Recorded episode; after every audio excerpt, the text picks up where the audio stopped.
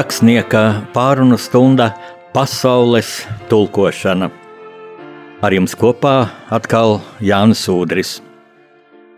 Lai slavēts Jēzus Kristus, mīļie klausītāji, šodien mans studijas viesis ir vēstnieks, viens no pieredzējušākajiem Latvijas diplomātijas mm, pārstāvjiem Einārs Semanis.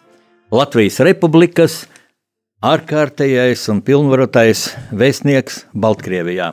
Un te nu jārunā par tādu unikālu situāciju, kas Latvijā laikam pirmo reizi, ehm, bet diplomātijas vēsturē tāda mm, parasta prakse. Šī gada maijā mūsu vēstnieks Einārs Semanis tika, nu, jāteic, formulējums oficiālais, izraidīts no Baltkrievijas. Kāpēc? Kā tas notika, par to mēs runāsim, taču jūs jau saprotat, ka, ka runa ir par džentlmeni, par ļoti korektu cilvēku, kurš ļoti godprātīgi ir pildījis savus vēstnieku pienākumus, ka te ir runa par valstu starp, savstarpējām diplomātiskajām attiecībām un par tām nu, nelikumībām, cilvēktiesību pārkāpumiem, ar ko Lukašenko režīms Baltkrievijā ir ir nu, radījis, izraisījis sašutumu visā pasaulē. Einār, tātad sveic tevi studijā un pastāst, lūdzu, kā tas notika, kā tu šo ziņu uzņēmi, vai tas tev bija pārsteigums? Diez vai, jo pirms tam mūsu valsts arī parādīja, ka, nu, ka nu, mēs esam ļoti negatīvi noskaņot pret šiem pār, cilvēktiesību pārkāpumiem, kas notiek Baltkrievijā. Lidmašīnas nolaupīšana, izreikināšanās ar demonstrantiem, protestētājiem. Labdien, godājumie radio Marija klausītāji! Labdien, Jāni! Labdien! Paldies par uzaicinājumu! Tas ir ļoti pagodinoši un pacelājoši, es teikšu, un būt par viesi radio Marija. Jo manas diplomāta gaitas arī man ir vedušas Vatikāna ceļos, jo es esmu bijis eh, vēstnieks eh, Svētā krēsla. Līdz ar to Radio Marija, arī Radio Vatikāns, man iekšēji ir pazīstami, sirdī tuvi, un es tiešām uzskatu, ka tas ir tāda unikāla iespēja īstenībā parunāt eh, ar, ar klausītājiem, ticīgajiem klausītājiem, padalīties savās domās un, un izjūtās.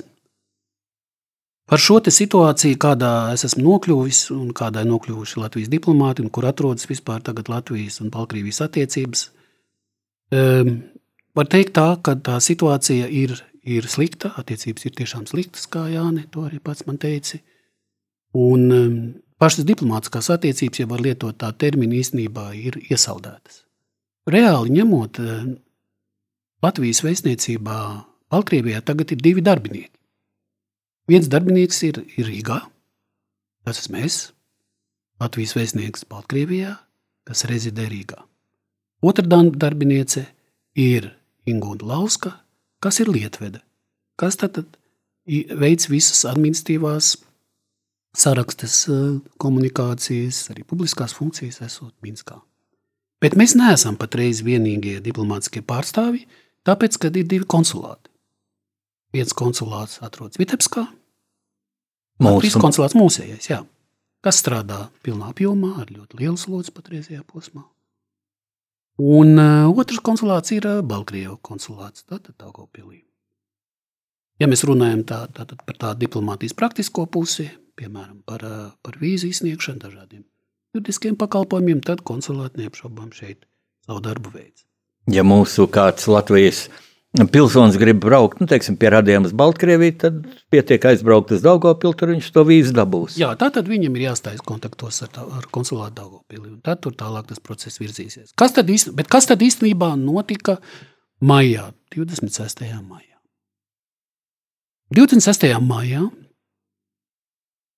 vēlā pēcpusdienā es saņēmu ziņu no Baltkrievijas ārlietu ministrijas, kā Baltkrievijas ārlietu ministrs vēlas ar mani tikties personīgi. Un tā tad es devos uz Zālietu ministriju, kur man bija tāda personīska saruna ar, ar ministru Makēkungu. Ministrs attiecīgi man paziņoja, ka sakarā ar to, ka Rīgā ir notikusi karogu nomaiņa, respektīvi Baltkrievijas karoga nomaiņa no oficiālā karoga uz Baltkrievijas vēsturisko karogu. Un tas notiek hokeja čempionāta laikā, pasaules hokeja čempionāta laikā. Tad es tieku aicināts pamest Baltkrieviju 24 stundu laikā. Un Tas, pa, jā, pārējie diplomāti vēstniecībā, kas strādā, un arī darbinieki. Attiecīgi 48 stundu laikā. Un paliek tikai e, viens darbinieks, lietvedis. Ja viņam ir ģimene, tad ar ģimeni paliek. Un tā tad tika dots šāda, šāda veida diplomātiskais norādījums, un attiecīgi arī nota, kuru Baltkrievija arī skaidro par savu nostāju šajā gadījumā. tu biji pārsteigts tajā brīdī. Es domāju, ka tā, kad es, protams, biju nu, pārsteigts tajā nozīmē, ka soļi, kas tika spērti no Baltkrievijas puses, bija ļoti ārkārtīgi stingri šajā gadījumā. Un, bet no otras puses, teikt, ka tā pilnīgi negaidīti tas bija. Tas tā nebija. Jo arī savā atbildē eh, Baltkrievijas eh, ārlietu ministram es teicu, ka Latvija mēs esam ļoti, ļoti neapmierināti ar to situāciju, kas ir mūsu kaimiņu zemē, Baltkrievijā. Ar tām milzīgajām represijām, kas notiekās Baltkrievijā. Kādā veidā veidojas attieksme, kādā veidā Baltkrievijas vadība veids dažādus soļus, ierobežojot, īstenībā bieži vien pat likvidējot pilsonisko sabiedrību neatkarīgos masu informācijas līdzekļus, par lielo politiski ieslodzīto skaitu, kas ir, kas ir Baltkrievijā, par dezinformācijas kampaņām. Un, protams, kad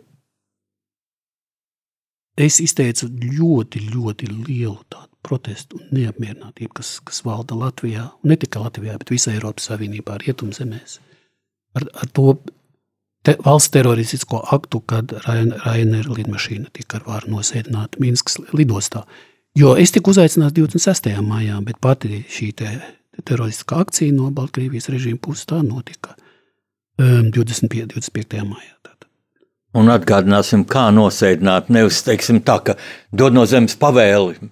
Mēs jums dodam rīkojumu nosēsties, bet viņš pacēla Jā. gaisā iznīcinātāju. Jā. Kurš, ko tu zini, varbūt šauja pēkšņi. Tā kā Jo, jo starp citu, Padomu Savienība notrieta savā laikā Dienvidu Korejas Boeingu ar simtiem pasažieru ar kaujas raķeti. Nu, tā kā, Tā kā tā situācija bija ļoti, ļoti no, saspringta šajā ziņā, un atbildot tieši uz tavu jautājumu, kad, kad tajā ziņā tā mūsu reakcija bija pilnīgi skaidra un arī noteikti, kad mēs teicām, ka mēs to nevaram arī akceptēt, un līdz ar to arī es tad arī attiecīgi eh, Baltkrieviju eh, 24 stundu laikā arī pametu. Reāli ņemot, jau atklāti sakot, 24 stundas jau arī nemaz nesanāk beigās stāvotājiem. Jo tāpēc, kad tev no Minskas jābrauc uz robežu un tā tālāk, tā kā vajadzēja milzīgā ātrumā arī tad eh, mobilizēties un, eh, un eh, tad pamest, pamest Minsku. Viens cits gan jautājums ir diezgan svarīgs. Vai pastāv iespēja atgriezties šajā gadījumā? Piemēram, vēstniekam vai diplomātiem vai darbiniekiem. Pirmkārt, tev tomēr tevi nepasludināja par personu non grata. Ja?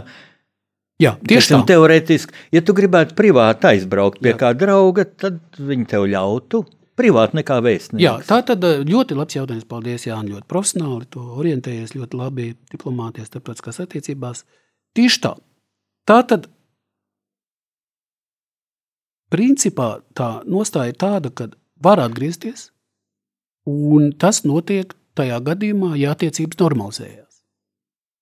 Ko nozīmē attiecību normalizācija? Protams, ka katra puse šajā gadījumā, dotajā brīdī, kā mēs patreiz esam, mēs saprotam pavisam savādāk, bet atgriešanās, va- atgriešanās var būt. Es neesmu personā non grata. Tā, tā, tā pieļauj iespēju, ka tas pats Daugopils kon- konsulāts, piemēram, Baltkrievijas, var izskatīt jautājumu, piemēram, par privātu braucienu, pieņemt attiecīgi kaut kāds lēmums šajā sakrībā. Bet tad ir otra puse arī. Man uzreiz ir jāpasaka, ka tajā pašā dienā, kad es tiku izsaukts pie Baltkrievijas ārlietu ministra, kad man tika paziņots, ka jāpamet Baltkrieviju, tad arī mūsu ārlietu ministrijas valsts sekretārs Andris Pelšs izsauca attiecīgi arī pilnvaroto lietvedi Baltkrievijas. Pilnvaroto lietvedi Rīgā un paziņoja Latvijas lēmumu attiecībā uz Baltkrievijas diplomātiem. Un, to pašu. Jā, jā. tāda proporcionāls lēmums bija. Arī tāpat 24 stundu laikā vēstniekam? Nē, pilnvarotam lietvedim, lietvedēji kundzei. Jā, nebija un, vēstnieks. Ne, vēstnieks nebija, ne, tajā, brīdī, jā. tajā brīdī vēstnieka respektīvi nebija. Nākamā. Jā, tā tad pilnvarotā lietvede, pilnvarotā lietvede un arī pāriem diplomātiem attiecībā.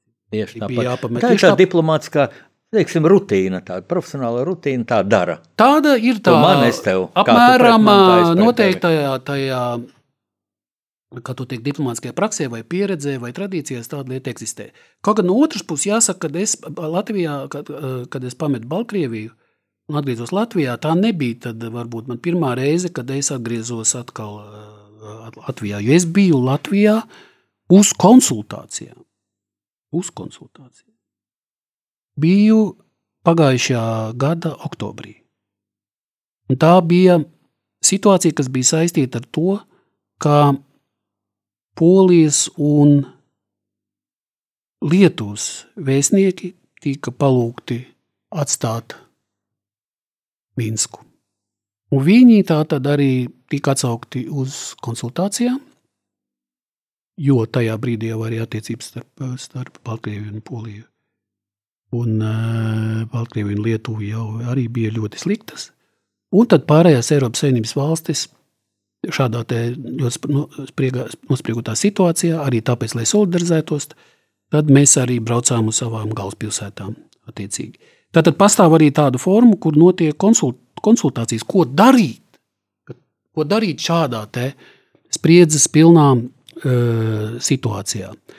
Un, uh, līdz ar to var teikt, ka patreiz ir tāda izveidojusies pat vesela vēstnieku grupa, neliela grupa, rietumu valstu vēstnieku grupa, kas tiek saukti par vēstniekiem trimdā.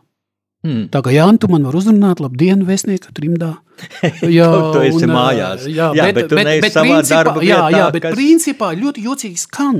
Ļoti jocīgi. Bet vēstnieki trimdā. Kas tad tie vēstnieki patreiz ir? Un klausītājiem tas būs interesanti. Polijas pirmkārt. Tātad no pagājušā gada bija. oktobra tātad pol, polijas vēstnieks, kurš patreiz ir Varšavā. Tātad arī Lietuvas vēstnieks uh, arī zinām periodu tātad bija šīs vēstnieks trimdā līdz augustam šī gada. Uh, Bet viņam beidzās arī akreditācijas termiņš, jo viņš bija vesels piecus gadus jau. Un tagad viņš strādā Lietu ministrijā Lietuvas, un tagad iznāk tā, ka, ka uh, Viļņā ir vēstnieka vietniece, kura tad ir, ir trimdā. Jo pavisam nesen arī līdzīga situācija uh, radās arī ar vēstniecību Lietuvā, uh, kurā arī tika palūgti diplomāti, visi un darbinieki aizbraukti, tikai daži palika vēstniecībā. Strādāt. Tas bija saistīts ar, ar to, ka op, no opozīcijas līderis eh, Svetlānas Cisanovskas eh, birojas ir, ir Viļņā, teiksim, viens no skaidrojumiem. Tad eh, arī vēstnieks Trimdā ir Eiropas Savienības delegācijas Minskā vadītājs, kurš tātad vasarā tika aicināts aizbraukt, viņš aizbrauca, viņš, viņš ir uz konsultācijām.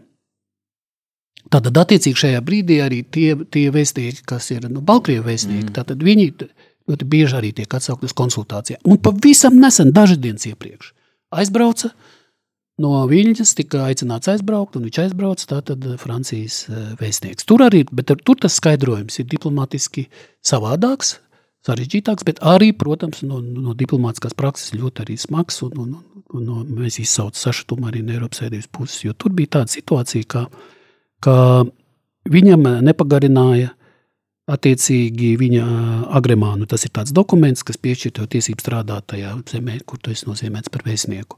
Arī ļoti nedraudzīgs žests. Tas ir tāds nedraudzīgs no žests, tā kā, un, un tas ir dažas dienas iepriekš. Un tā tad arī vēl ir Amerikas vēstniece mm, Baltkrievijā, bet tagad vairs ne, tagad viņa ir, ir speciāla uzdevuma sūtne vai vēstniece par Baltkrievijas jautājumiem, un viņa ir, ir Viļņā.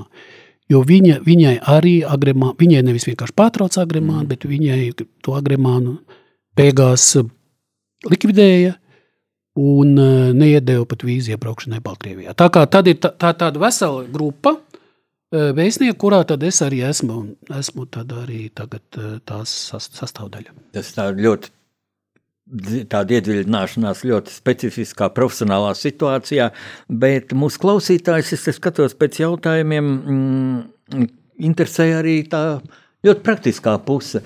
Nu, kā tas ir pēkšņi eh, diennakts laikā vai mazāk, uh, atstāt, eh, atstāt eh, darbu, kur tu esi atbraucis uz gadiem, ja tev tur ir gan grāmatas, gan personiskās mans, tu biji ar ģimeni, ar kundzi, ja bērni, jā. bērni tur nebija. Ja? Jā, bērni pieauguši jau. Jā. Bērni pieauguši dzīvoja šeit, bet, mm, nu, piemēram, es zinu, tavu kundze Tatjana ir eh, gleznotāja. Nu, ko viņi tur darīja? Viņi noteikti gleznoja. Baltkrievijā brīnišķīga daba, Minska skaista pilsēta, ja Kur tās gleznas palika, vai tu, tu brauc ar vieglo mašīnu, cik es zinu, atpakaļ savu pri, privāto mašīnu, ja?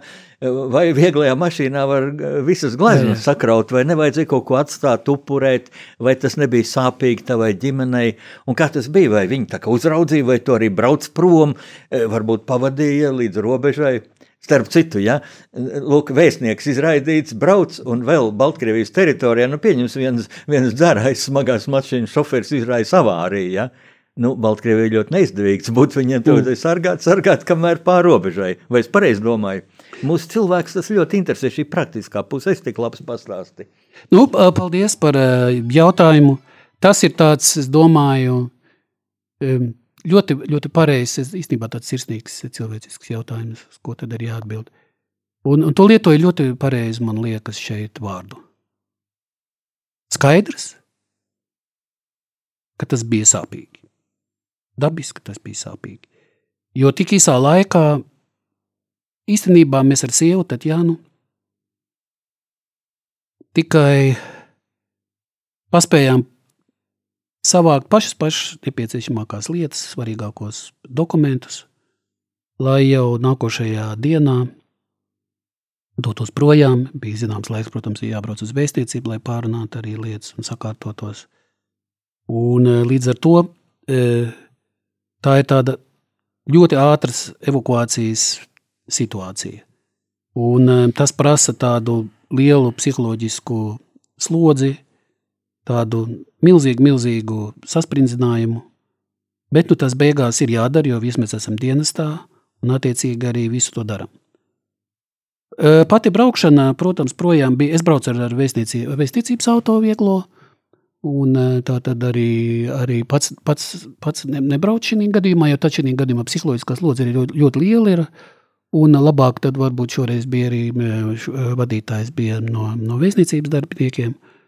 Un eh, līdz ar to, kā saka, visa tās, eh, tā, tā, tā aina sadzīviskā izveidojās diezgan tāda, eh, diezgan tāda mokoša. Nosauks pareizi mokoša, tā ir tas īstais vārds. Jo tāpēc, kad es aizbraucu un pēc tam kol, kolēģi, mani kolēģi Ingūna Lauska ar savu, ar savu dzīves biedru, viņi tad īstenībā, viņiem tad vajadzēja būt tiem, kas tad rūpējās par manām mantām, personiskajām mantām, ar arhīvu un tā tālāk. Par dzīvokli, par dzīvokli, lai pēc tam, īrēja. lai, īrē, jā, pēc tam, lai, lai pēc tam tas viss nonāktu Latvijā, tad viņi arī visu pakoja un, un darīja. À, un sūta, jā. Un tad jau pa, attiecīgi ar diplomātsko transportu, tad laika gaitā, ne jau vienā dienā tas viss tiek uh, arī pārsūtīts. Tā situācija līdz ar to ir, ir sāpīga. Un, un es domāju, ka tā sāpīgums ir tāds, ka arī profesionālā ziņā skaidrs, ka tu esi atbraucis, tu esi atbraucis zinām misiju, tu esi strādā, tu esi strādā vēstniecībā. Tad lūk šādā tādā īsā laika periodā notiek ārkārtīgi liela izmaiņa, un, un tev, tev ir jādodas projām un jāpārientē viss darbs un jā, jā, jāveido īstenībā jāpārskata arī lielā mērā diplomātiskā instrumentārie, uh, visa tā, tā pakete, ar ko, ko mēs strādājam.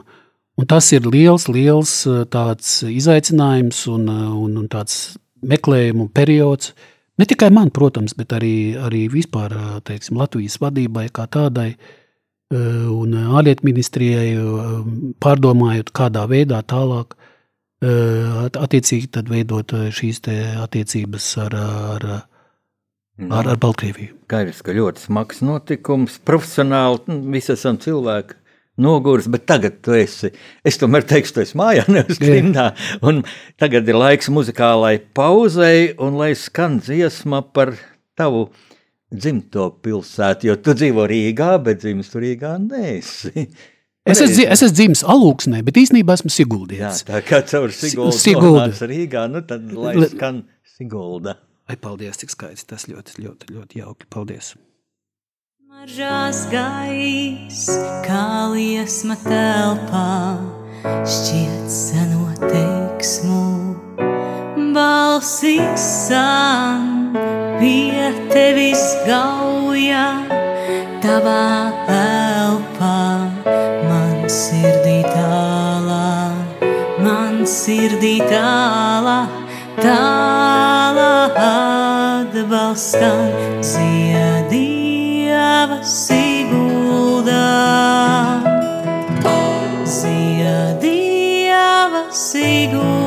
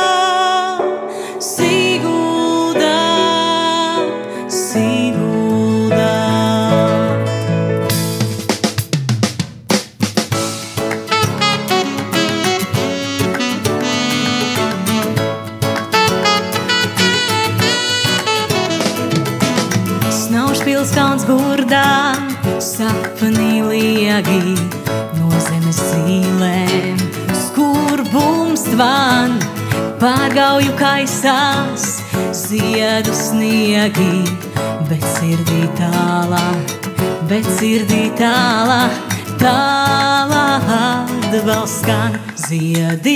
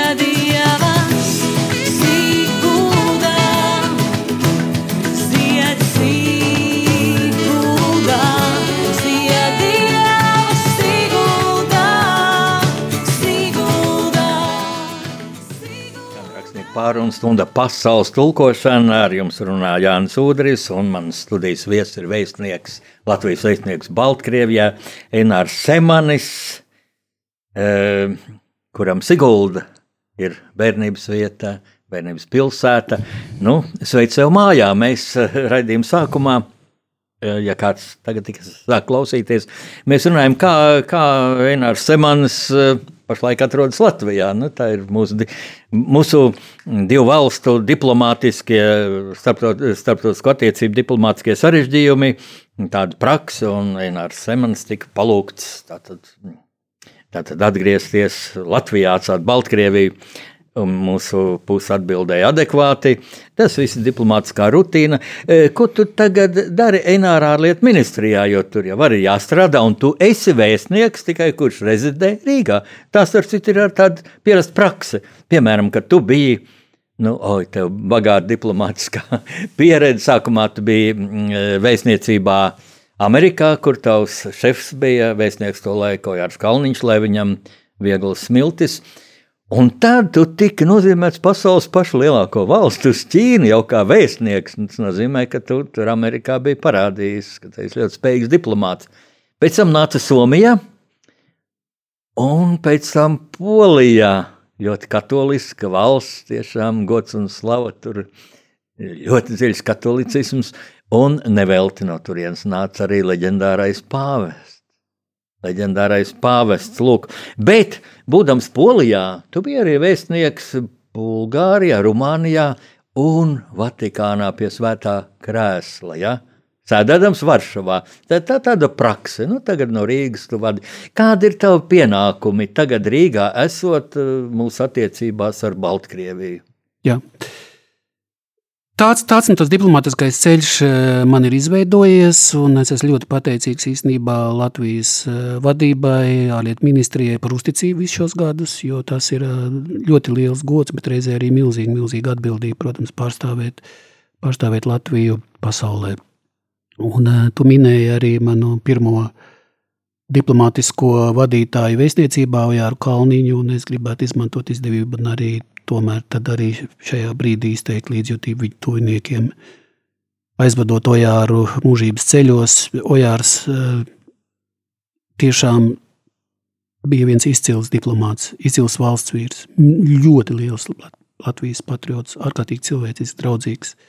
Tas ir diezgan diezgan smags un skumjš brīdis visiem, visiem mums, un īpaši tiem, kas ar viņu kopā, protams, arī strādāja. Bet tā bija Amerika, man bija pirmā diplomātiskā skola un ļoti svarīga skola īstenībā. Bet patreiz. Patreiz tā, tad, tas pienākumu lokus, ar, ar ko es nodarbojos, ir diezgan plašs. Un tie galvenie virzieni ir kādi. Ka. E, pirmais ir saistīts ar to, ka es esmu Eiropas Savienības vēstnieku tīklā.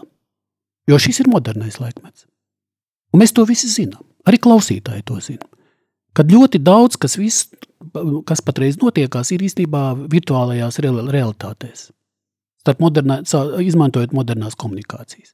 Tagad, braucot pie tevis uz, uz, uz, uz, uz, uz, uz Radio Mariju, es braucu no Eiropas Savienības vēstnieku Minskā darba sanāksmes, kas bija video formātā. Tātad visi vēstnieki mēs pieslēdzamies video formātā. Gan tie, kas, Minskā kas ir Minskā, ir gan tie, kas ir Varšavā, kas tie, kas ir Briselē, Viļņā. Viļņā. Es, mēs pieslēdzamies, pārunājam visus darba jautājumus. Protams, nav tikai video sanāksmes. Ir vesela rinda citi, ir visādi dažādi tīkli, WhatsApp tīkli un tā tālāk, kur notiek arī saraksti. Ir, ir protams, ļoti plaša e-pastiskā, e-pastiskā komunikācija un tā tālāk. Tas viss tā ir zināms arī. E, mums arī kā, kā, kā Ikdienā tas viss ir saredzams. Bet šis tīkls, ka tu esi tajā apritē, ka tu zini, kas notiek Minskā, ko dara pārējie, apmēram, kāda ir, kādas, ir, kādas ir galvenās reakcijas, iniciatīvas, kas notiek diplomātiskajā, politiskajā, ekonomiskajā, kultūras jomā. Šī gadījumā tā diplomātiskā funkcija, ka tu pārstāvi valsti un reizē arī esi šīs valsts arī eksperts, kas notiek tajā zemē un kādā veidā veidojas šīs zemes attiecības ar citām zemēm, ar citām starptautiskajām organizācijām un tā tālāk. Tas ir ārkārtīgi svarīga funkcija, un tas aizņem ļoti arī tādu nozīmīgu lai, laika, laika daļu.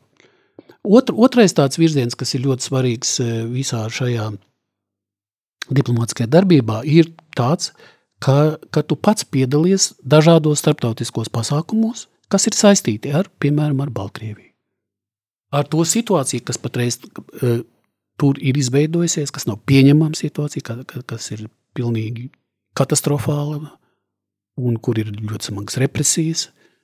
Tā tālāk, un notiek daudz pasākumu starptautiski. Piemēram, vakardien vakarā Es uh, piedalījos ļoti plašā konferencē, ko organizēja ins- institūts, uh, domnīca, kas saucās Mag uh, McDonalda Lurjē institūts, un kas bija tieši speciāli veltīts uh, tātad Baltkrievijas tematikai. Un par ko tad es tur īstenībā uzstājos un ko es runāju? Es, es, es runāju ar milzīgu sāpju un satraukumu par visu to, kas notiek uz robežas patreiz. Jo visi tie dalībnieki no dažādām valstīm, kas tur piedalījās, viņiem ļoti interesē. Viņi teica, vēstnieki, kas tad īstenībā notiek? Kas ir tas hibrīda uzbrukums, kas patreiz notiek no Baltkrievijas režīma puses uh, uz, uz Latviju, uz Lietuvu, uz, uz Poliju un vispār beigās tātad arī uz Eiropas Savienību, kas ir šīs, šīs te visas dezinformācijas kampaņas un tā tālāk. Tātad ir jāpiedalās arī dažādos starptautiskos pasākumos, kur tu pārstāvi arī Latviju. Protams, kad ir komunikācija, ir tāda sadarbība, ir uh, ar Baltkrievijas, uh, Baltkrievijas tiem pilsoniskās sabiedrības un, uh, un demokrātiskās kustības pārstāvjiem, kuri ir spiesti tagad dzīvot arī ārzemēs. Tad ar viņiem būt kontaktā. Piemēram, 8. un 9. augustā, kad tika, notika atskats uz šo te, šīm te falsificētajām vēlēšanām, pirmo gadu dienu, tad mēs tri, trīs vēstnieki, Polijas, Eiropas Savienības es un tad arī Lietu, Lietuvas uh, vēstnieku vietniece, mēs bijām Viļņā. Mēs tikāmies ar, ar Svetlānas Cihanovskas biroju. Mēs tikāmies ar citiem demokrātijas kustības Ar pārstāvjiem. pašu uh, Svetlānu. Jā, arī? ar Svetlānu, jā, tikāmies. Tātad mēs... Kādu vārdu varētu arī par viņu pateikt? Jā, tā tad es tikai redzu, ka viņa ir jauna, nu, glīta Jā, sieviete, jā. bet kā intelekta ziņā un tā Es domāju, ka tas ir ziņā, ļoti spēcīgs, ļoti spēcīgs, spēcīgs, spēcīgs personības, spēcīgs raksturs. Tā ir tā. Ir pelnījuši to brīnišķīgu tautu. taču Jo tā ir tāda, tāda, tāda dvēs, tāda, viņa ir tāda, tā visa šīs te protestu kustības uh, dvēseli, jo, jo pagājušajā gadā tad īstenībā notika šī Baltkrievu tāda, tāda iekšēja atmoda, kur, kur Baltkrievi tā tad s- deva tādu savu, savu impulsu par to, ka viņi sagaida izma, izmaiņas Baltkrievijā. Un eh, šeit Svetlana Cihanovska kopā ar citiem līderiem, protams, ir ļoti, ļoti svarīgi, bet jāņem vērā, ka viņi tika arī spiesti un viņi ir aizbrauc no Baltkrievijas un viņi tad dzīvo attiecīgi svešumā. Eh, Svetlana Cihanovska vai arī Pāvils Latuško, piemēram, Varšavā un citi šie līderi, kas ir ļoti, ļoti svarīgi. Tā kā, Vai šī Svetlāna, es pieņemu arī tur, zinām, konspirāciju, un tā arī, jo Lukašenko režīmam ir garas rokas. Mēs to jau redzējām Tokijas olimpiādē, kā tur sportisti tika uzraudzīti, un jo sportisti tur rādīja savu nevēlēšanos atgriezties Baltkrievijā. Bija dažādi ekscesi, kas parāda to Lukašenko seju. Jā, Lukašenko skaidrs, ka patreizajā periodā e, izmantojot to, ko klausītāji varbūt zina šo terminu, latviešu varbūt palīdz man iztulkot. Siloviki. À, spēka, Spēka struktūru, izmantojot spēka struktūru, spēks. spēka struktūru, šo te visus institūtus. Tad, te ir viens bīstamais moments, ja tu lūdzu tulkot, ja palīdzēt iztulkot, tad man nāk prātā ir tāds krieviem teiciens. Viņi pirmoreiz ir padomu laikā kritisku pret šiem spē, spēka vīriem, sila iesķumaņa nāda, spēks ir, prātu nevajag. Viņi bieži vien taču rīkojas vienkārši, nu, gribi pa purnu, ja. Es, es atvainojos klausītājiem, ja, bet, eh, bet nu, tāda ir šī pat lekcija. leksika. Es atceros padomu laikā vienā lekcijā, kad um, tagad jau ir zināms, ka padomju savienība gatavojās pārģērbt 80. Mm. gadu sākumā, pārģērbt savu specvienību vīrus poļu armijas formā un iesūtīt, lai apspiež šos nemierus, ir kā paši poļi. Ja. Un, un, kad, un runāja par atklātu agresiju, kā viņi to bija darījuši 68. gadā mm, Čehoslovākijā, un kad teica, bet nu, ko teiks pasaules sabiedrība, tad šie virsnieki atbildēja, napļievaķi, nospļauties, ko teiks pasaules sabiedrība. Nu, tagad pasaule vairs nav tā, atvainojos, tādas emocijas, bet nevaru mierīgi par to runāt. Šī Svetlana Cihanovska, viņa ir harizmātiska persona. Es domāju, ka viņa tiešām ar šo savu iekšējo tādu spēku un, un pārliecību, ka viņa ieņem arī īstenībā šo te uh, līdera, līdera lomu vai vietu, un ko atzīst arī paši, paši Baltkrievijas tātad šie te uh, cilvēki, kas, kas ir orientēti uz, uz izmaiņām, tad viņa arī nes šo te drosmīgo, ha- harizmātisko to uzdevumu kopā ar sevi. Jo šeit par harizmu vispār runājot, un tu pats arī to ļoti saproti, tu pats esi rakstnieks un, un, un domājušs cilvēks, jo harizma jau arī nav tīri kaut kāda vienkārši tāda funkcionāla vai tāda vienkārši kaut kāda tāda tehniska lieta. Tur ir jābūt šai iekš, iekšējiem spēkam.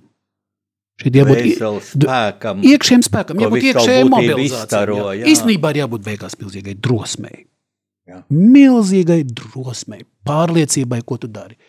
Līdz ar to teiksim, šie te cilvēki, kas ir, kas tagad ir ā, e- emigrācijā un strādā šajā, šajā visā virzienā, lai, lai stimulētu, lai, lai Baltkrievijā notiktu izmaiņas, tad, tad, tad, tad pelna vislielāko respektu. Un, kā zināms, arī tad, tad arī mūsu, piemēram, mūsu valsts vadība un visi rietumvalstu vadītāji tātad tiekās ar, ar, ar Svetlānu Cihanovsku, viņa, viņas kustības tātad pārstāvjiem un, un, un dod šo te savu iekšējo un, un politisko un atbalstu, atbalstu demokrātiskajai kustībai, jo pašā Baltkrievijā šodien to, ko mēs tikko runājām, ir ļoti grūti.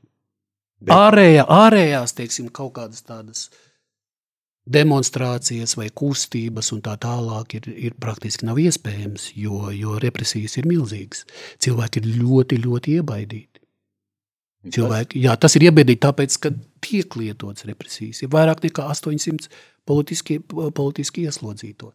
Par eh, kaut vai tu telegramu kanālos, tas, kas ir tie saucamie SMS kanāli, ja tu tur kaut kādu ziņu esi pat izlasījis un tālāk padevis vai, vai kaut kādā veidā pats esi ielicis kaut ko, tad īstenībā tev ir draud lieli, lieli, lieli cietumsodi un tā tālāk. Un visur notiek šāda veida smagas, te, teiksim, vajāšanas un eh, pilsoniskā sabiedrība kā tāda, nu, tā, kas ir tāda organiskā sabiedrības daļa, tā, tā ir ļoti, ļoti limitēta vai vispār, teiksim, tiek, tiek izdīcināta.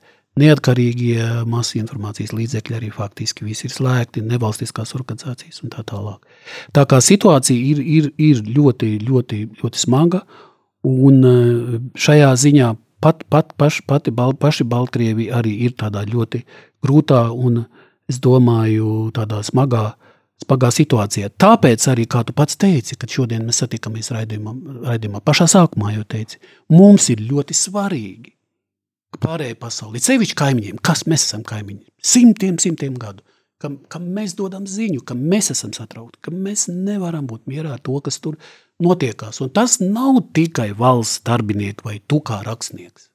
Tas ir visas, lielā mērā visa mūsu sabiedrība ir ļoti, ļoti satraukta. Un tās organizācijas, kas nodarbojās ar, ar palīdzību, ar, ar solidaritāti pilsoniskajām sabiedrībām, tās dara lielu darbu. Es gribētu izmantot šodien to situāciju, kas esmu šeit radio, un teikt, kad, kad piemēram, tās organizācijas Latvijas žurnālistu savienība vai, piemēram, centrs Mārta vai mm, te- teiksim, ir speciāla platforma Pilsoniskās sabiedrības Latvijas eh, apvienība eh, platforma, teiksim, Pilsoniskās sabiedrības atbalstam. Un eh, augstskolas. Augstskolas, piemēram, Vidzemes, eh, Vidzemes augstskola, piemēram, Daugavpils universitāte, piemēram, Juridiskā augstskola, Stokholmas ekonomiskā augstskola.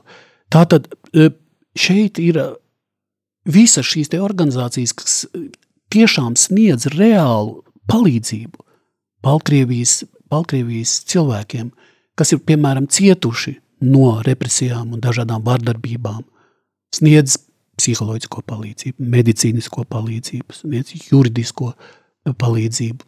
Dažne dažādi šīs te formas, kādā veidā sniegt savu to, to palīdzīgo plecu un izpratni. Tas ir tas, kas, kas patreiz e, notiekās un ir ļoti, ļoti īstenībā svarīgi. Skaidrs, ka tas, kas attiec uz diplomātiem, mūsu valsts vīriem, prezidentu, premjeru, attiec uz ārlietu ministru, mūsu darbiniekiem vispār, mēs paši, protams, strādājam starptautiskās organizācijas, ANO, Eiropas drošības sadarbības organizācija, e, Eiropas padomē un tā tālāk, kurš šie jautājumi mēs virzām. Un patreiz ir milzīga uzmanība pievērsta sakarā ar to, kas notiekās, notiekās uz, uz, uz, uz robežas. Uz robežu, kur tiešām Baltkrievijas režīms tātad izmanto trešo valstu pilsoņus vienkārši kā instrumentu, mm. lai sasniegtu kaut kādus noteiktus politiskus mērķus. Tāpēc, teiksim, tā, tā, tā runa, atgriežoties pie tā jautājuma, ko tad īstenībā mēs darām, arī es saku, ka no otras puses šeit arī nav tikai šis darbs Eiropas dip- diplomātu, diplomātu tajā visā uh, ietvarā, Bet ir ļoti svarīgi no, no rietumu diplomāta ietvarā un dažādu konferenču ietvaros, bet ir ļoti svarīgi būt arī kontaktā un būt arī kontaktā komunikācijā arī ar, ar pilsoniskās sabiedrības pārstāvjiem, kas ir attiecīgi ārz, ārzemēs šī gadījumā. Un arī šeit ir arī svarīga, starp citu, Baltkrievijas diasporas loma. Tu aizskāri nu, ārkārtīgi sāpīgi jautājumu, par kuru es daudz domāju. Un, kad es skatījos par robežu, un kad es skatījos nu, pat uh, video kadrus no Polijas, ja, no Polijas un Baltkrievijas robežas, tur jau pavisam tur jau ļoti lielas cilvēku grupas, uh, Baltkrievijas militāra personas, pēcvienība vīri, burtiski piedzena pie šīs robežas un atpakaļ nelaiž. Un savukārt poļi, atšķirībā no mūsu bezrūpības, no mūsu iestāžu, no mūsu valdības bezrūpības. Tas ir mans personīgais viedoklis un pārliecība, ka sen jau tur vajadzēja būt kaut kādai pagaidu zaloņrātīm, kad viņas vēl būs. Ministrs kundze ir atvaļinājumā, es runāju par iekšlietu ministri. Man trūkst vārdu, lai to raksturotu. Es varu tikai pateikt, neatbilstība, profesionāla neatbilstība šim augstajam amatam. Es runāju tikai par konkrētiem darbiem, pareizāk sakot, mm. konkrētu darbu trūkumu. Uh, bet par Lukašenko režīmu es pēkšņi iedomājos, ko tas nozīmē, kad cilvēki nu, no Irākas, no kurienes viņi tur vēl kādām valstīm ir, ja viņus atved līdz robežai. Vai viņi zina, ka viņus atpakaļ nelaidīs, ja viņi netiks? Noteikti nezinu. Viņi domā, nu viņi kaut kā tur Baltkrievē vai kur. Viņus nelaiž atpakaļ. Tā taču ir būtībā kidnappings, cilvēku nolopīšana. Kā tu kā pieredzējis diplomāts piekrīti, ka tā to varētu inkriminēt? Cilvēku nolaupīšana. Tad tas irākietis tur uh, izmisumā mums ir bērni, viņi mm. būs miruši. Ja? Bet kurš par to ir atbildīgs? Pirmkārt, tu pats, ja ka tu. Un vai nu ir tie bērni arī, varbūt nemaz nav, jo mēs zinām, ka daudz no viņiem melo un ir blēži un vienkārši mm. vieglāk dzīves tīkotāji. Bet šie Baltkrievi viņus nelaiž atpakaļ. Tā ir nolaupīšana. Cilvēkiem atņēma brīvību. Viņus taču ielaida Baltkrievijā. Ja? Viņus neapturēja lidostās vai ar ko viņi brauc. Lūk, tavs viedoklis un par mūsu mm, nu, valdības, par mūsu iestāžu drausmīgo vilcināšanos, jo projām iet šo birokrātijas ceļu iepirkumi. iepirkumi. Kādreiz labi domāta ideja, kur sagrāva jau šis būvnieku kartels, ja parādīja, kā to apiet un sagādā valstī milzīgs zaudējums. Nu, bet tagad nevar šajā gadījumā vienkārši izziņot, kura firma ātrāk to var izdarīt. Tur, es domāju, par naudu tur nav, nav runa, jo šīs milzīgās summas, kas mūsu muļķības dēļ tiek tērētas un izniekotas un aiziet privātās kabatās. Ja. Galu galā sētu var uztaisīt ne no dzeloņdrātiem, bet no koka. Meža riņķī vai zāģētavu var zemesardzi iesaistīt, ja grib. Vai viņus neinteresē valsts drošība? Un kā tu skaties, vai tas ir bīstami? Pašlaik katru dienu aiztur, nu, varbūt pāris desmit cilvēkus. Ja nāks 200 cilvēku, varbūt 2000, Lukašenko taču to var izdarīt, es domāju. Jā, tas ir ļoti sāpīgs moments, ko tu izvirzīji. Arī es uzreiz gribētu arī teikt, ka kad valdība dara visu, kas ir tās spēkos, lai šo situāciju turētu zem, zem kontrolas un arī tiek spērti attiecīgie soļi, lai, lai, lai robežu tiešām sakārtotu un arī uh, Arī šī, te, ko tu minēji, arī šī, te, piemēram, pagaidu, pagaidu žoga no dzeloņdrātīm, dzeloņstieplēm, tas, tas arī tiek izveidots. Tur bija zināmas grūtības iepriekšējā periodā, ko mēs arī īstenībā zinām, bet tagad tā mobilizācija ir, ir notiek ļoti, ļoti, ļoti spēcīgi, ļoti mētiecīgi, un arī es domāju, ka ministre, iekšlietu ministre Golubevas kundze veids eh, ļoti enerģisku un atbildīgu darbu. Es to droši varu teikt, jo es tiešām arī sekoju līdzi šai situācijai. Es domāju, arī piemēram viņa. Tikko piedalījās arī Rīgas konferencē, kur bija speciāla sekcija par Baltkrieviju, kur viņi uzstājās, ka tā arī bija speciāla zīme arī visai starptautiskajai sabiedrībai. Viņi piedalās arī attiecīgās visās Eiropas Savienības sanāksmēs. Tā kā tur tie soļi, kas ir nepieciešami, lai arī viss notiktu atbilstoši tiesiskajai regulācijai, tas viss attiecīgi notiekās un arī uh, Es domāju, ka tā robežu infrastruktūra tiek, tiek attīstīta atbilstoši. Kas attiecas uz paša režīma šīm, te, šīm te darbībām? Jā, šīs darbības ir, ir pilnībā nepieņemamas. Tā ir cilvēku, dzīvu cilvēku likteņu tiešām tāda barbariska izmantošana, kad viņi tiek orientēti, lai viņi brauc uz Baltkrieviju, bet ne vienkārši, lai brauc uz Baltkrieviju, bet ka viņiem būs viegla pieeja vai ieeja vai nokļūšana Eiropas Savienībā. Un ka, tā, ka, ka tas, kā saka, ar viņa ierašanos šajā Baltkrievijā, eh, tas tiks eh, attiecīgi īstenots. Un tā ir tāda cilvēku iemānīšana, pat pareizi būtiski iemānīšana tā kā tādā, tā kā tādā slazdā. Un kā tu pats teici, to, ko mēs redzam arī māsu informācijas līdzekļos un televīzijā, kad šie cilvēki tiešām būtiski tiek zināmā vērā stumti, stumti uz šo, šo, šo robežu un ir, ir, ir šīs robežu situācijas īstenībā ķīlnieki, un tur, ir, tur tiešām ir, ir dažādi cilvēki, un, un tur ir arī Un tā situācija ir ļoti, ļoti bēdīga, un, un tā, tā, tas traģisms ir vienkārši šausminošs. Līdz ar to šeit ir, ir ļoti smaga tā, tā, tā, tā risinājuma īstenībā pareizā atrisināšana. Jo skaidrs, kad nelegāla, nelegāla robežas ķēršošana nav nekādā gadījumā pieļaujama, un te attiecīgi Polijas, Lietuvas, Latvijas eh, valdības pieņem attiec, attiecīgos, eh, attiecīgos soļus, un šeit Eiropas Savienība, citas Eiropas Savienības valstis attiecīgi arī sniedz savu, savu palīdzību. Un ir tāda speciāla aģentūra, kur saucās Frontex, robežu apsardzības aģentūra, kura ir ļoti profesionāla un pieredzējusi, kas tad arī, kas tad arī nāk palīgā. Mūsu robežsargi nav arī vienīgie, tur palīdz arī tā, tā, tā, Policija palīdz arī mūsu bruņoties spēku, zemesardze un tā tālāk. Tā kā tā situācija ir, ir ļoti, ļoti smaga. No otras puses, protams, ka ir smagas arī tās humanitārās situācijas, kur jāsniedz cilvēkiem kaut kāda medicīniskā palīdzība, humanitāra palīdzība, jāsniedz palīdzīga roka. Un tādas situācijas ir. Latvijas gadījumā ir, ir, ir, ir cik es pats zinu, apmēram 50 gadījumi, kur šiem nelaimīgajiem cilvēkiem, kuriem ir radusies šāda humanitāra smaga situācija, Lat Latvija tātad arī e, mūsu robežsardas vadītājs attiecīgi pieņem lēmumu, jo tur ir robežsardas vadītājiem jāpieņem lēmums. Viņš, viņam ir jāpieņem lēmums, kad mēs tad attiecīgi šo teiksim, cilvēku, kurš ir cietis, tad mēs viņu ielaižam Latvijā un sniedzam viņam palīdzīgu roku. Laikam parasti ir, ja ir mazi bērni, ja vai varbūt sieviete ir grūtniece. Dažādas, stāvokli. dažādas situācijas var būt un ļoti smagas situācijas var būt, un tur tā tad atbilstoši ir likumdošanai visai regulācijai, tad mūsu robežsargi tad attiecīgi spēr, spēr soļus, kas ir nepieciešami. Tā ir ļoti smaga un grūta situācija, un pie reizes, protams, ko, ko es gribēju teikt, kad reizē šeit arī ir šī smagā, tā saucamā, situācija, kad notiek arī milzīga dezinformācija. Kad arī, piemēram, Baltkrievijas puse veids milzīgu nomelnošanas darbu, kas, kas iet uz, uz, uz Latviju, uz Lietuvu, uz Poliju, uz, uz Eiropas Savienību. Ka visā šajā procesā, visdažādākajos veidos, tas ir ļoti, arī ļoti smaga situācija, ko mēs visi dotajā brīdī arī pārdzīvojam, un daudz kas, daudz kas tiek uh, darīts un, eh, un īstenībā, kas attiec uz Latviju. Tā kā diplomāts, tu man ir paaicināja kā diplomāts, arī teikt. Ministrs Edgars Rinkevičs tikko tātad attiecīgi uzstājās Luksemburgā un teica, ka mēs nevaram tādas lietas akceptēt. Tas nav pieņemami.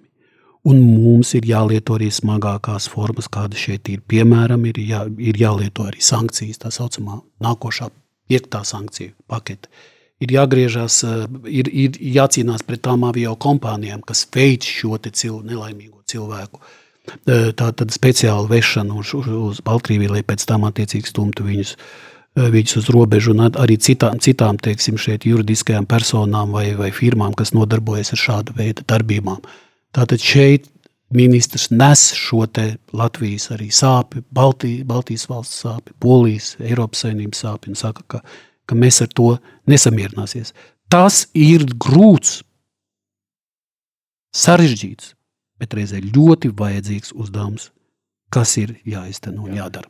Paldies, Einār, par to. Eh, tu tā ļoti labu tādu ieskatu sniedz un tiešām mūsu diplomātsko attiecību nu, ļoti sarežģītā brīdī ar kaimiņu valsti, kas ir brīnišķīga zeme, brīnišķīga tauta. Nu, nav brīnišķīgs viņa līderis, Nu, tas laikam ir šodien viens no briesmīgākajiem politiķiem pasaulē. Bet um, nu, mums arī savas problēmas. Šis ir, šī ir pirmā rakstnieka pārunu stunda kopš ārkārtas stāvokļa izziņošanas Latvijā. Man bija tā ļoti interesanti redzēt, ka tu atbrauc, tev atved ar ārlietu ministrijas mašīnu un tu izkāpi ar, ar ļoti tādu superīgu sejas masku. Ja mēs arī šeit visu ļoti, kā tu redzi, ievērojam šos noteikumus, mums ir gan distance tagad studijā sēžot, eh, attālums pie, pienācis, mēs visi esam vakcinējušies, visiem ir, ir šis certifikāts. Kā tas bija Baltkrievijā? Un, nu, jāprasa tev arī demokrātija mums ir, vai tu esi vakcinējies, lai gan es nešaubos, kad esi. Bet Jā. kur tu vakcinējies, jo tu jau, nu, kad vakcīna parādījās, ja gadu mijā, tad tu biji Minskā, Jā. vai tur tas bija iespējams? Nu, Paldies par ļoti cilvēcisku un svarīgu jautājumu, kas šodien visiem mums ir ā, tiešām ā, mūsu, mūsu redzeslokā. Un ne tikai redzeslokā, bet tas satrauc visu mūsu sirdis un prātus. Es pats esmu vakcinējies, un es vakcinējos Lietuvā. Jo tā, tā, no tām vakcīnām, kas ir akce- akceptētas Eiropas Savienībā, toreiz, kad es vēl, strādāju Baltkrievijā, tās nebija pieejamas Baltkrievijā. Un tad, attiecīgi, mēs Eiropas Savienības un citu rietumu valstu diplomāti devāmies uz, uz Viļņu, kur ar Lietuvas ārlietu ministrijas palīdzību mēs arī vakcinējāmies. Un es vakcinējos arī tad, attiecīgi ar Jensenu. Man sieva Tatjana, mēs vakcinējāmies ar Jensena vakcīnu. Un mēs toreiz visi bijām attiecīgi arī diplomāti, visi ļoti interesēti, ir satraukti par šo situāciju. Uzskatām, ka tas ir ļoti svarīgs pienākums gan pret sevi, gan pret līdzcilvēkiem, gan pret sabiedrību. Patreiz, ko tad es daru patreiz ar sievu Tatjanu, tad mēs attiecīgi kontaktējam ar savu poliklīniku, jo ir, ir tagad jaunais šīs norādījums, ka tiem, kas ir, kam- kas ir vakcinējušies ar Jensenu, ir vajadzīga papildus vakcinācija, papildus vakcīnas, un tad mēs arī attiecīgi šo jautājumu eh, patreiz, patreiz eh, kārtojam. Un, eh, tā situācija, kas patreiz ir, eh, ir Baltkrievijā attiecībā uz Covid, arī ļoti grūta. Viņiem ir pieaugums liels. Un eh, tā tad arī, arī Baltkrievijas puse eh, paziņo mērus, kas ir saistīti gan ar, gan ar, gan ar pašu masku nēsāšanu, distancēšanos un, un vakcinēšanu, vakcinēšanu kā tādu. Ir atšķirības, eh, kādā veidā to Baltkrievijas vadība sap, eh, saprot un kādā veidā viņi to īsteno. Bet katrā ziņā tā situācija ir eh, ļoti nospriegota, nospriegota un arī satraucoša. Diplomātijas laukā un politikā jāņem vērā, ka, protams, Covid ir viena no tematikām, kas, kas, politikā, kas patreiz politiku caurauž visu politiku. Ja mēs runājam par dažādām vakcīnām, es šodien nejauši vienā, vienā, vienā žurnālā uz vāka skatos, kad uh, miljonārs Jūlijas Krūmiņš pieprasot Krievijas vakcīnu. Un tam man nāk prātā, ka šajā vietā, kur tu tagad sēdi pavasarī, runāja par šo vakcināciju mm, brīnišķīgs cilvēks, brīnišķīgs ārsts Hosams Abu Mērī. Un lūk, viņš runāja par dažādām vakcīnām. Teica, jā, nu daudzi tur Krievijā, protams, ir Sputniks, jā, bet arī Latvijā tur pierobežas rajonos, kur Krievu televīzija skatās, viņi grib Sputniku. Tad lūk, Hosams teica, ka Sputnik ir absolūti identisks kā AstraZeneca. Tā kā es varu Julijam Krūmiņam, ja viņš mūs klausās, ieteikt, un arī visiem tiem, nu, kas, teiksim, viņam vajag Sputniku. Uh, vakcinējieties droši ar AstraZeneca. Tas ir tas pats, tas pats princips, kā tā vakcīna ir uztaisīta. Ja? Bet kā tu, Enār, domā ar savu lielo pieredzi, kāpēc tomēr latvieši tik pasīvi vakcinējas? Man ir ļoti grūti uzreiz tā atbildēt uz to jautājumu, un, eh, jo es varbūt neesmu tieši medicīnas eksperts. Es, ko es varu pateikt, kā cilvēks, tikai iekšēji, es, es domāju, ka vakcinēšanās ir ārkārtīgi svarīga, un es arī aicinu cilvēkus vakcinēties. Un, un tas, tas, eh, tā, tā man liekas, tā ir tā pareizā, eh, pareizākā un tāda īstā, eh, īstā pieeja, kas šajā grūtajā situācijā attiecīgi tā tad arī būtu visvajadzīgākā. Kāpēc cilvēki ir attiecīgi rē- rēģē vienā vai otrā veidā, ir, ārkārtīgi, ir ārkārtīgi grūti pateikt. Varbūt tādi, kas ir vienmēr cilvēki piesardzīgi, jebkurā gadījumā, ne tikai par vakcīnām, kas ir ļoti simtreiz un tā tālāk visu pārbauda un izdomā, ko darīt un, un, un ko nē. Da- Daļa varbūt ir ietekmēta ietekmēt arī no tām informācijas plūsmām, kas parādās eh, parādās eh, dažādos, eh, dažādos internetu tīklos. un tā tālāk. Tā kā šeit tā situācija, kāpēc tā ir, ir, ir, ir, ir savādāk. Bet es katrā gadījumā ir savādāk. Bet jebkurā gadījumā es uzskatu, ka valdība tos lēmumus, kas tagad ir pieņemti, ko mēs tikko arī, kuriem mēs iepazināmies, ka tie ir vajadzīgi, saulaicīgi, ka tie ir jāizteno, un lai mēs tad attiecīgi tomēr arī beigās pārvarētu šo milzīgo krīzi, kas, kas ir tagad izveidojusies sakarā ar ar, ar, ar Covid-19. Tie soļi ir, ir, es pats domāju, ne tikai es tā domāju, ir, ir adekvāti un, un cerams, ka tie tiks arī mums atmaksāsies finālā. finālā. Diemžēl mūsu raidījumam rit pēdējās minūtes un iznāk tā mazliet netradicionāli beigt. Jo es biju solījis mūsu viesim, vēstniekam, Latvijas vēstniekam Baltkrievijā, Enāram Semanim, divas muzikālās pauzes, kas parasti ir, bet tu enā runāji par tik aktuālām lietām un tik dziļi profesionāli un saistoši, ja, ka man vienkārši nevērās mute pārtraukt, lai gan reizēm pārtrauc, bet vēl padziļinot, jo mani šie jautājumi satrauc, bet otra muzikālā pauze, dziesma, kur tu izvēlējies, ir ārkārtīgi svarīga, un ar to es gribētu tad šoreiz nobeigt mūsu raidījumu, e, jo šī dziesma dos noteikti spēku mūsu tautai. Jo šis jau ir sarežģīts laiks, nu kurš teiks, ka nav. Un man liekas ļoti zīmīgi, ka šis laiks pagaidām noteikti līdz 15. novembrim, es domāju, ar Dievu palīdzību, ka mūsu tauta, mūsu sabiedrība nāks pie lielāka apzinīguma, īpaši gados vecie cilvēki, Savukārt, ka mūsu birokrātiskās iestādes nāks viņam pretī kaut vai pie cilvēkiem, kam ir pār 80, aizbraucot mājā, aizbraucot mājā, tai māsiņai aizbraucot mājā ar šoferīti un, un, un pārliecinot šo cilvēku, vajag tev vakcinēties, lai mazbērniņi varētu pie omītes, pie opīša braukt. Lūk, Un tad tā būtu laba dāvana uz mūsu valsts, valsts svētkiem, kurus, protams, mēs šogad nevarēsim svinēt kā parasti ar parādi, ar banketiem, ar pieņemšanām, katrs mājās svinēsim. Tātad skan otra izvēlētā dziesma. Ar to es saku lielu paldies mūsu vēstniekam Baltkrievijā Eināram Semanim. Paldies, Einār, ka atnāc un lai Dievs jūs svētī un sargā, mīļie klausītāji, lai Dievs svētī Latviju. Paldies, liels, lai Dievs mūs sargā, tiešām. Paldies!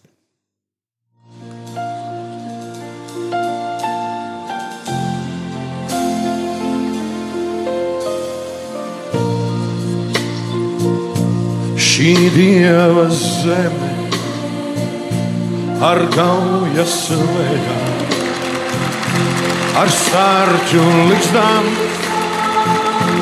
un kurmju ejām, ar cēsim kalsiem un jaunām sejām, ar ļaužu balsiem un raiņa dzējām.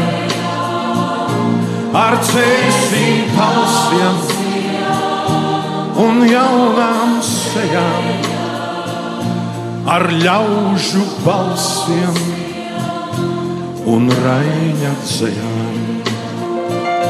Par verga algu es tajā sirkšu, par indes malku viņu